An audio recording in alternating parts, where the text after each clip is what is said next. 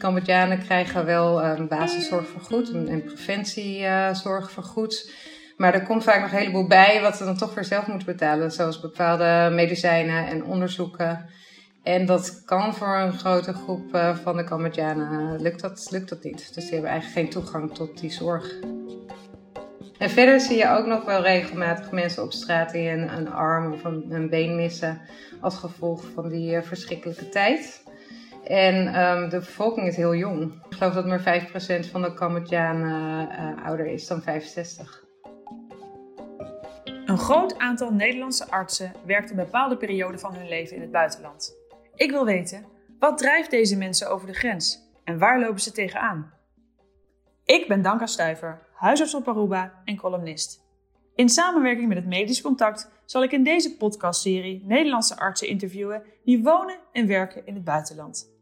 We gaan het hebben over hun persoonlijke overwegingen, hun belevenissen en over de positieve en negatieve kanten van hun vertrek. Weg bij familie en vrienden, weg uit de comfortzone, over de grens naar een onbekend land met een andere cultuur en taal en een ander zorgstelsel. Vandaag ga ik vanuit Aruba in gesprek met Carlijn Hoedemaker. Zij werkte zeven jaar lang als huisarts in Nieuw-Zeeland en verhuisde eind 2020 met haar gezin naar Phnom Penh, de hoofdstad van Cambodja. De aanleiding, haar man, werkzaam voor Heineken, kreeg daar een functie aangeboden.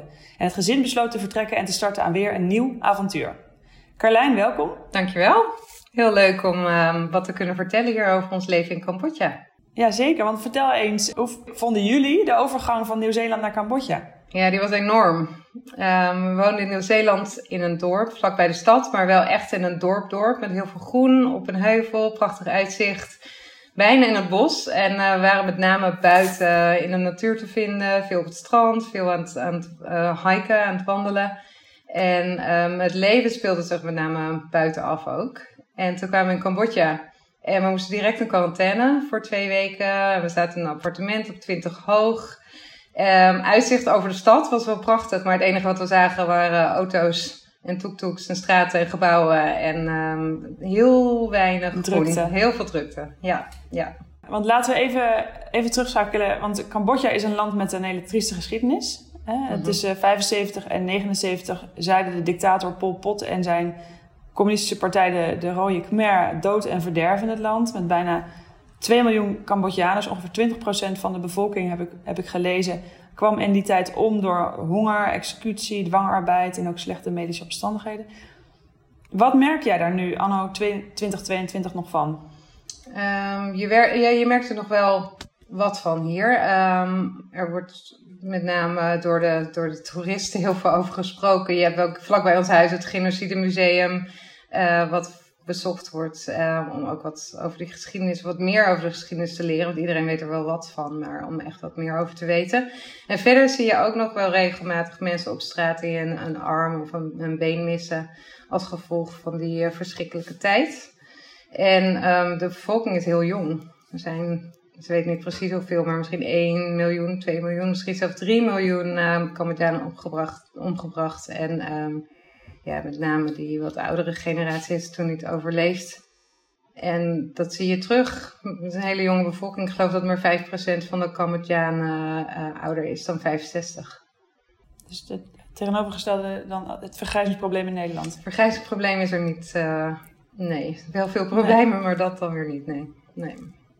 En hoe, en hoe, hoe, hoe zie jij de, economische uh, omstandigheden? Ja, dat is, um, het is een heel arm land. Er moest heel veel worden opgebouwd um, na, vanaf 1979. En um, het is nog steeds een heel arm land. Maar in de afgelopen vijf jaar hebben we wel enorme economische groei gezien. Uh, er wordt heel erg veel opgebouwd. Er wordt heel erg veel gebouwd ook. Overal staan gebouwen en de stijgers. En dat biedt veel baanmogelijkheden voor, voor de Cambodjanen. Dus dat hele aller, allerarmste is in de stad er iets meer af, omdat er meer mensen een baan hebben. Maar in de provincies uh, is er nog wel heel veel armoede. En in de stad ook nog wel hoor. Um, en in de afgelopen twee jaar door COVID zijn veel mensen ook weer een baan um, kwijtgeraakt. En uh, ja, je, ziet, je ziet nog heel veel mensen die niks, niks hebben. Eigenlijk niks. En die het moeten hebben van uh, waar ik ineens aan moet denken, zie je regelmatig in de straat iemand die blikjes ophaalt, lege blikjes. En die moeten het bijvoorbeeld hebben van de opbrengst van een verzameling lege blikjes. En daar kunnen ze dan misschien net weer een maaltijd van, van kopen. Dus die armoede zie je ook nog.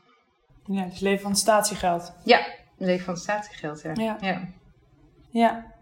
ja dus je noemde hè, dat, dat, dat, er, dat er door COVID ook weer veel is weggevaagd eigenlijk van, uh, van wat opgebouwd was. En dat dat nu langzaamaan weer wordt opgebouwd.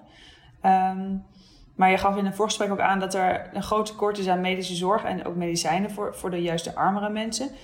Kun je om te beginnen iets meer vertellen over het zorgstelsel in Cambodja? Ja, ja het zorgstelsel is vrij um, versnipperd hier eigenlijk. Um, ik werk nu in de stad, maar in de, in de dorpen is het, is het weer anders. Uh, per district hebben ze weer een ander budget en geven ze het ook weer op een eigen manier uit. Er wordt wel wat meer geld nu vrijgemaakt voor, voor zorg in Cambodja.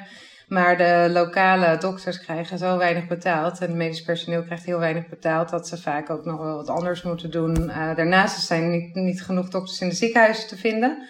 En um, de Cambodjanen krijgen wel um, basiszorg vergoed en, en preventiezorg uh, vergoed. Maar er komt vaak nog een heleboel bij wat ze dan toch weer zelf moeten betalen. Zoals bepaalde medicijnen en onderzoeken. En dat kan voor een grote groep uh, van de Cambodjanen, lukt dat, lukt dat niet. Dus die hebben eigenlijk geen toegang tot die zorg. Nee. En ik begrijp dat Cambodjanen soms ook wantrouwig zijn naar de, naar de met name naar de westerse geneeskunsten, naar de westerse artsen. Um, Jij vertelde daarover en, en, dat je daar ook een mooie film over had gezien. Kun je daar iets over vertellen? Ja, toevallig vorige week heb ik die film gezien. Die heet White Building. En um, daar wordt een groep uh, jonge jongens gevolgd. Um, die in een oud gebouw uh, wonen. Dat gebouw dat wordt um, afgebroken door de, door de overheid. Want die wil daar iets nieuws, moois op zetten. En dat proces wordt gevolgd in het leven van de jongens. Maar een van de jongens heeft een vader met uh, diabetes. En die vader heeft op een gegeven moment een plek aan zijn teen. En die zoon die maakt zich daar best wel zorgen over. En die wil dat hij een dokter ziet. Maar die vader die heeft belangrijkere dingen te doen, vindt hij zelf. En die wil het allemaal nog een beetje afwachten. Eh, totdat die teen op een gegeven moment helemaal zwart is. En die vader toch besluit om, uh, om naar de huisarts te gaan daar. En um, die huisarts die legt hem uit dat het, wat het is. En dat hij diabetes heeft en, en dat hij heel goed voor zichzelf moet zorgen en dat die teen geamputeerd moet worden. En uh, daar schrikt die man een beetje van. En met name als die huisarts zegt dat hij het zelf niet kan, maar dat een bevriende chirurg van hem het wel kan doen. Want dan denkt hij dat hij, uh, ja, hij denkt eigenlijk dat die huisarts het alleen maar doet voor het geld. Dat ze weer wat kunnen verdienen aan die ingreep. En hij wil het graag nog even aankijken en zijn eigen middeltjes uh, erop loslaten. Bijvoorbeeld honing gebruiken ze hier veel en tamarind. En um, ja, dan zie je dat die man dus besluit om niet terug te gaan naar de dokter en het zelf um, eerst te, verzorgen. En in een andere scène wat later zie je helaas dat zijn hele onderbenen geamputeerd is. Ah, oh, snel. Ja, ja, ja. ja. Maar dat is wel... Um dat illustreert goed uh, de, het wantrouwen en, en het gevolg daarvan. Ja, ja, precies. En met name uh, het geld wat er soms bij komt kijken en, en, het wantrouwen. Dat, dat dingen voorgeschreven worden alleen maar om eraan te verdienen. En, en misschien is dat in zekere zin ook af en toe zo met bepaalde medicijnen, maar zeker natuurlijk niet met dit soort ingrepen. En dan zie je wel af en toe de gevolgen van, van dat wantrouwen. En dat is wel heel triest. Ja. ja. ja. Ja. Dus ik begrijp eigenlijk dat, dat er echt een groot verschil is tussen ja, de rijkere Cambodjanen en in de zorg die zij kunnen krijgen en de, de armere. Um, hoe wordt het, het publieke zorgstelsel, hè, de, eh, misschien is het nog niet, mag ik het nog niet zo noemen, maar wat versnipperd zoals je zei, maar hoe wordt dat gefinancierd? Um, ja, gedeeld uh, komt uit uh, belastinggeld. Uh, neem ik aan. Belasting uh, is niet heel duidelijk geregeld hier. Dat uh, is wel belangrijk voor buitenlandse bedrijven dat er belasting betaald wordt. Maar de Cambodjanen betalen, betaalden in ieder geval een lange tijd niet zoveel belasting. Maar er is wel wat belasting en een gedeelte daarvan wordt gebruikt voor, voor het financieren van, van de zorg. Maar er komt ook een mhm. groot gedeelte vanuit het buitenland. met giften vanuit buitenlandse organisaties. En er zijn wel lokale oknja's, dat zijn de rijkere Cambodjanen die ook af en toe echt wel grote giften doen um, voor, voor de zorg, om de zorg te verbeteren. En waar gaan, stel, stel ik ben een hele rijke Cambodjaan en ik moet een gecompliceerde oncologische operatie ondergaan. Doe ik dat in Cambodja of ga, of ga ik daarvoor elders? Ja, de rijke Cambodjanen gaan over het algemeen allemaal de grens over. Of naar Thailand of naar Singapore. Ja, precies. Ja. ja, er kan wel wat hoor in Cambodja. En in de COVID-tijd konden mensen ook niet naar het buitenland. Er is een, een groot ziekenhuis hier, Royal Phnom Penh. En dat wordt gerund door Thaise artsen. En um, dat, dat levert ook echt wel kwalitatief redelijk goede zorg. Maar dan kan je eigenlijk alleen maar terecht als je of een hele goede zorgverzekering hebt of uh, genoeg geld. Ja. ja. Even om een beeld te krijgen. Stel, uh, uh, je bent in Cambodja um, en je bent gewoon een local en je, je krijgt een, een auto-ongeluk. En je hebt een ambulance nodig om jou naar het ziekenhuis te brengen. Hoe gaat dat dan? Ja, ambulances zijn hier heel schaars. Ik zie ze bijna niet in het straatbeeld. Iets meer um, tijdens COVID-tijd, maar de laatste tijd ook weer heel veel minder. Maar ze zijn er wel en je kan een ambulance bellen. Maar dan moet er echt direct geld beschikbaar zijn voor het ambulancepersoneel en anders laten ze je liggen. En dat is vaak wel een paar honderd dollar. En bijna geen enkele Cambodjaan heeft een paar honderd dollar op zak. Uh, dus um, het komt vaker voor dat die mensen, ook al zwaar, al zijn ze zwaar gewond, dat ze in een toektoek gehezen worden en naar het dichtstbijzijnde ziekenhuis worden gebracht. En dat levert vertraging op. En dat, ja, dat is zowel voor de voor lokale eigenlijk als ook de buitenlandse uh, mensen hier. Want als je niet het geld direct bij ja. hebt, dan, dan laat ze je liggen. Jeetje, ja. ja. ja. dus als je naar Cambodja gaat, moet je een paar honderd dollar op zak hebben. Een paar honderd dollar op zak en je verzekeringsbewijs. um, ja, moet je misschien ja. vastspelden op je broek of zo. Ja. Um, vanwege corona en ook het feit dat de, dat de scholen natuurlijk zo langdurig gesloten waren, besloot jij om de eerste periode niet te werken, je te focussen op, op het gezin en de kinderen. Maar begin dit jaar ben jij um, aan het werken als huisarts. Kun jij iets vertellen over de praktijk waar jij werkt? Ja, dat, is, um, dat heet Raffles. Het is een, een kliniek die in meerdere landen te vinden is in Azië. En het is een privé kliniek. Het is een beetje een combinatie van huisartspraktijk en een soort van kleine eerste hulp. En er werken zowel specialisten als huisartsen. Uh, niet heel veel specialisten, een dermatoloog en een kinderarts en een KNO-arts. En er zijn um, natuurlijk al vier, vijf Cambodjaanse artsen die met name de Cambodjaanse patiënten ook zien. En dan een aantal uh, buitenlandse artsen zoals ik.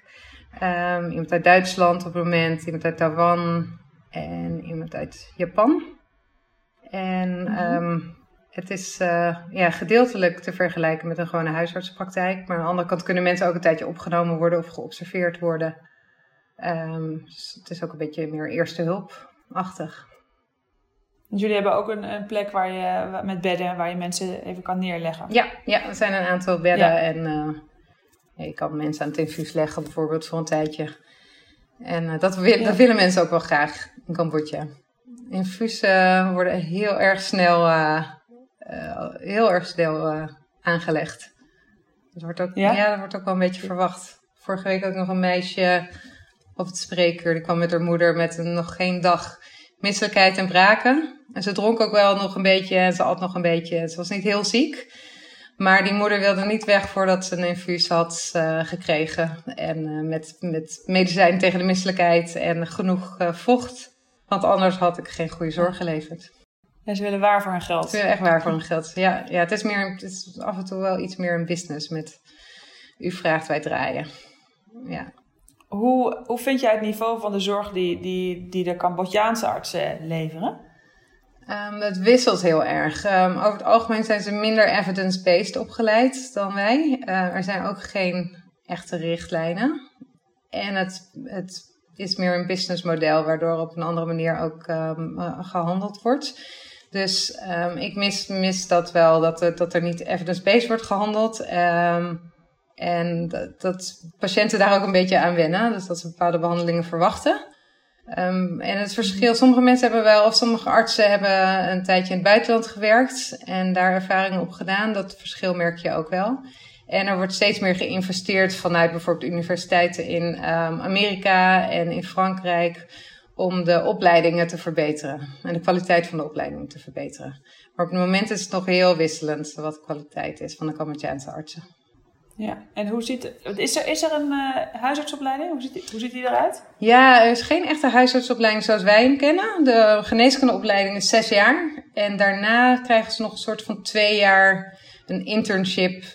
Ehm, en dat kunnen ze huisarts noemen. Ja, en dan kunnen ze ook uh, in het buitenland doen, als ze daar de middelen voor hebben. Ja, als ze daar de middelen voor hebben en er wordt ook wat vrij, geld vrijgemaakt. Um, sommige mensen krijgen hulp van een, van een bepaald fonds. Um, hoe je daar precies van aanmerking komt, dat is me niet helemaal duidelijk. Maar ik weet dat sommige artsen gesponsord worden en um, dan een jaar naar Frankrijk kunnen bijvoorbeeld. Ja. ja. ja. wat voor gezondheidsproblemen zie, zie jij daar? Uh, ik zie heel erg veel uh, maag-darmklachten. Um, heel veel um, ja, misselijkheid, braken, uitdroging, tropische ziektes zoals chikungunya en dengue. En huidinfecties zie ik meer vanwege het klimaat, uh, waarschijnlijk in de vochtigheid. En um, misschien ook omdat mensen wat, wat langer wachten voordat ze naar de dokter gaan. En verder ook wel wat um, hetzelfde als wat je, wat je in andere landen, zoals in Nieuw-Zeeland en Nederland ziet. Maar echt het overgrote merendeel komt hier uh, met, met wat meer tropische ziekten. Zie je uh, in Cambodja ook problemen zoals diabetes en overgewicht? Ja, ja, diabetes zie je heel erg veel. Uh, met name als mensen ietsje meer te besteden hebben. Het hoeft niet eens heel veel te zijn, maar net genoeg om, om die suikerhoudende dranken te te kopen. Want daar houden ze in Cambodja heel erg van. Ze houden veel van zoets. En ze eten natuurlijk ontzettend veel rijst en, en sausen. En overal wordt suiker aan toegevoegd. Dus um, diabetes zie je ontzettend veel. En er wordt ook nog veel gerookt, COPD.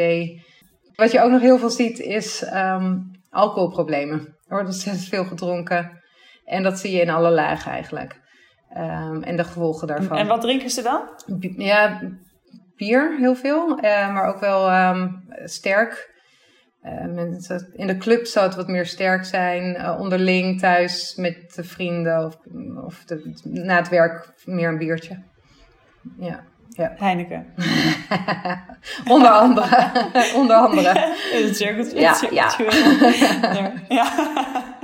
ja. Jij, ja. Um, hoe, hoe verschilt jouw werk in Cambodja van, van Nieuw-Zeeland en misschien ook van Nederland?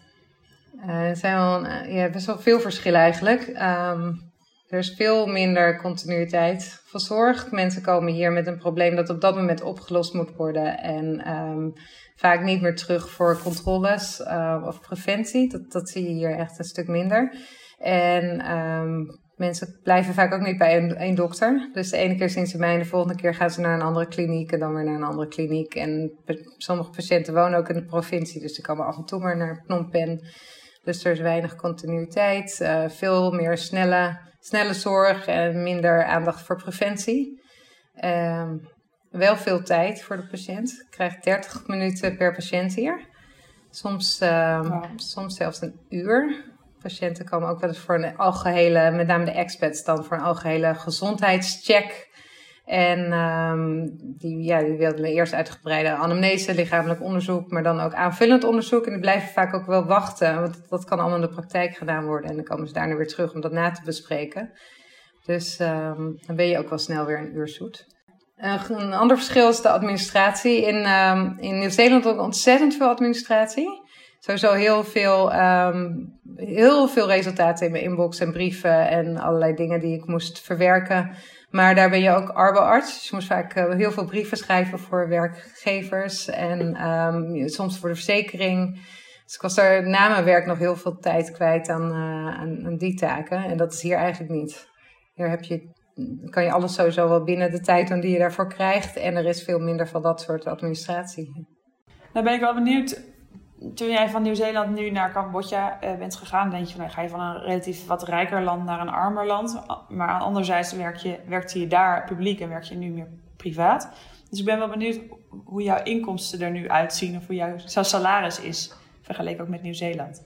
Ja, dat, het, wisselt heel erg, want hier word ik bepaald. En dat, dat is hier afhankelijk van hoeveel patiënten ik zie. Dus ik, word, ik krijg een percentage betaald van wat ik verdien eigenlijk voor de praktijk.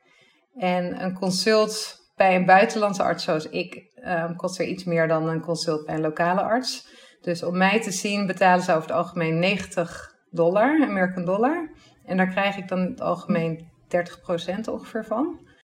Dan kan ik me ook voorstellen dat de kosten voor levensonderhoud dan verschillen tussen Nieuw-Zeeland en Cambodja. Ja, enorm. En Nieuw-Zeeland is best wel duur land.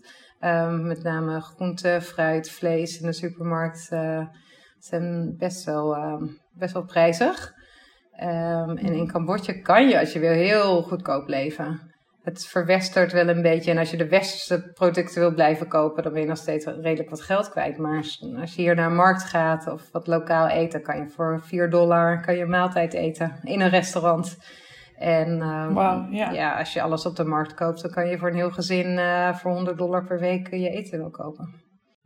Carlijn, jullie zijn een gezin met uh, drie kinderen. Dus ik ben eigenlijk heel benieuwd hoe oud de kinderen zijn en hoe jullie leven daar uh, ja, buiten het werk uitziet. Ik heb um, twee meisjes van nu 12 en 11 en een jongetje van 7. En die gaan dus alle drie... Die gaan naar een internationale school. Alle drie naar een internationale school. En uh, de oudste gaat naar een andere campus, maar het is wel op hetzelfde terrein. Die gaat dan naar middle school. En um, de andere twee zitten nu nog op, uh, op elementary, op de lagere school daar.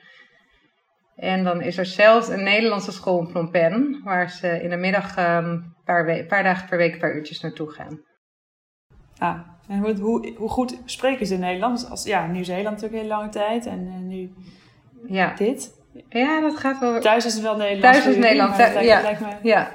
Ja. Het, uh, ja, thuis is het Nederlands inderdaad. En dat is het altijd wel geweest. Maar in Nieuw-Zeeland waren ze veel meer omringd door uh, Engelstalige mensen en Engelstalige vriendjes. En nu is het sowieso veel meer multicultureel. Dus zijn er ook heel veel anderen die hun eigen taal spreken. En ze gaan naar een Nederlandse school en ze hebben nu meer Nederlandse vriendjes en vriendinnetjes. Dus dat, uh, dat begint wel weer een beetje beter te worden. Daar zijn de opa's en oma's ook heel Goed. blij mee we wonen in een, uh, in een leuk, heel fijn huis eigenlijk. In een hele leuke, levendige wijk in uh, Phnom Penh. Met allemaal restaurantjes en cafeetjes en koffietentjes om ons heen. En um, in de straat is een beetje een mix van, uh, van die in een wat kleinere appartement wonen. Tot grotere huizen. met ofwel rijkere Cambodjanen erin of expats. Um, dus een beetje van alles wat. En het is een heel gezellige wijk, maar het nadeel is dat de kinderen kunnen hier niet zo makkelijk zelf de straat op. Er, wordt gebouwd aan de overkant van de straat, er is veel verkeer voor de deur. Dus we hebben toch wel besloten om binnenkort te gaan verhuizen naar een wijk waar het ietsje, misschien ietsje saaier is, iets minder uh, levendigheid, maar wel waar de kinderen lekker op straat kunnen, zelf naar vriendjes kunnen lopen en misschien iets gezelliger hebben voor zichzelf. En het heeft natuurlijk ook voordelen dat je nu in Azië woont, denk ik. Want dat geeft ook weer uh, opties om in de regio te reizen. Ja, dat is fantastisch. Het, sowieso is het een heerlijk uh, klimaat. Maar Cambodja zelf heeft eigenlijk heel veel mooie plekjes um, om, te, om naartoe te gaan. Zo, Angkor Wat kent iedereen ongeveer wel. Het zijn prachtige tempels. En in de plek Siem Reap, waar, waar ze staan, uh, daar is ook heel veel te beleven. En het is een heel leuke plek. We zijn wel meerdere keren naartoe te uh, gegaan. Maar um, ook wat verder weg, wat meer verborgen in de provincies, zijn heel veel hele mooie tempels. En daar is heel veel groen. Kan je lekker fietsen en lekker wandelen. Dus uh, zodra we even kunnen, gaan we de stad uit en zoeken we de natuur op. Mooi. Ja. Mooi. En ga je nog terug naar Nieuw-Zeeland ook? Ja, ja, deze zomer. Of winter daar. Maar um, over een paar weken al. Ik ga eerst naar een congres voor een paar dagen. En dan gaan we lekker met de familie een paar weekjes uh, vrienden bezoeken en door Nieuw-Zeeland reizen. Ja. Um, waar ik wel benieuwd naar ben, en misschien ook uh, andere huisartsen die uh, zullen luisteren, is of het werken, uh, eerst natuurlijk zeven jaar in Nieuw-Zeeland en nu in Cambodja, heeft het nog effecten voor je herregistratie? Op dit moment, of tot nu toe, heb ik nog uh, geen problemen ervaren. De uren die ik hier werk, die tellen gewoon mee. En uh, nascholingen doe ik veel online. En nu ga ik dus een paar dagjes naar Nieuw-Zeeland voor een congres. Uh, ik heb een intervisiegroepje met allerlei Nederlandse huisartsen die in het buitenland werken. Dus zo hou ik dat bij. En uh, ik heb nog, ja, ik vind het eigenlijk makkelijker gaan dan ik van tevoren had verwacht. Je kan toch wel heel veel doen, ook als je in het buitenland werkt. Heel veel punten bijhouden ja. en uren maken. En dat gaat eigenlijk wel goed. Mooi, goed om te horen. Ik ben wel benieuwd naar jullie plannen voor de toekomst. Ja, dat is allemaal nog een beetje open. Uh, we hebben het heel erg naar ons zin nu in, uh, in Azië. Dus als het enigszins kan, dan uh, willen we nog een paar jaar hier blijven. Maar het contract van mijn man die loopt over een, dat loopt over een jaar af. Dus dan is het even de vraag of we nog wat langer in Azië kunnen blijven. Of um, ja, dat het weer iets heel anders wordt. in principe staan we over voor nieuwe avonturen ergens anders. Maar als we hier nog even kunnen blijven, dan zou dat ook wel heel lekker zijn. Of Nieuw-Zeeland. Nieuw-Zeeland is ook prachtig. Dat zou ik ook niet erg vinden om weer, uh, weer even naar, naartoe terug te gaan. Ja? ja? Mis je het wel? Ja, ik mis het wel. Ik moet zeggen dat we nu al helemaal gewend zijn uh, in, in Phnom Penh. En ik hou gewoon heel erg van de warmte en het leven hier. En het is, het is voor ons heel makkelijk. Het is echt een heel makkelijk en heel goed leven. Maar Nieuw-Zeeland, die vrijheid en die ruimte en de natuur, dat, uh, dat blijf je gewoon wel missen. Ja. En ze willen jullie op den duur terug naar Nederland, denk je? Of is dat nog helemaal niet uh, ter sprake? Ja, dat, ja, wel, dat komt wel regelmatig ter sprake. Maar hoe langer, hoe verder Nederland weg is, het, qua jaren dat we er niet hebben gewoond, hoe minder behoefte er is eigenlijk om terug te gaan. Zeg nooit nooit, maar um, ik denk voorlopig nog even niet. Oké. Okay. Ja. Nou, Carlijn, dank voor je tijd. Graag gedaan. Jij ook bedankt. En dit was alweer het einde van deze podcast. Ik sprak vandaag met Carlijn Hoedemaker. En zij werkte zeven jaar als huisarts in Nieuw-Zeeland en inmiddels in Cambodja. De volgende keer ga ik in gesprek met Antje Oosterkamp. Zij werkte eerst drie jaar als tropenarts in Bangladesh, keerde terug naar Nederland om chirurg te worden en vervolgens weer terug naar Bangladesh om daar inmiddels meer dan tien jaar werkzaam te zijn als chirurg en ook medisch directeur van het ziekenhuis. Heb je naar aanleiding van deze podcast vragen of tips voor mij? Mail die dan naar redactie.medischcontact.nl. Tot de volgende keer!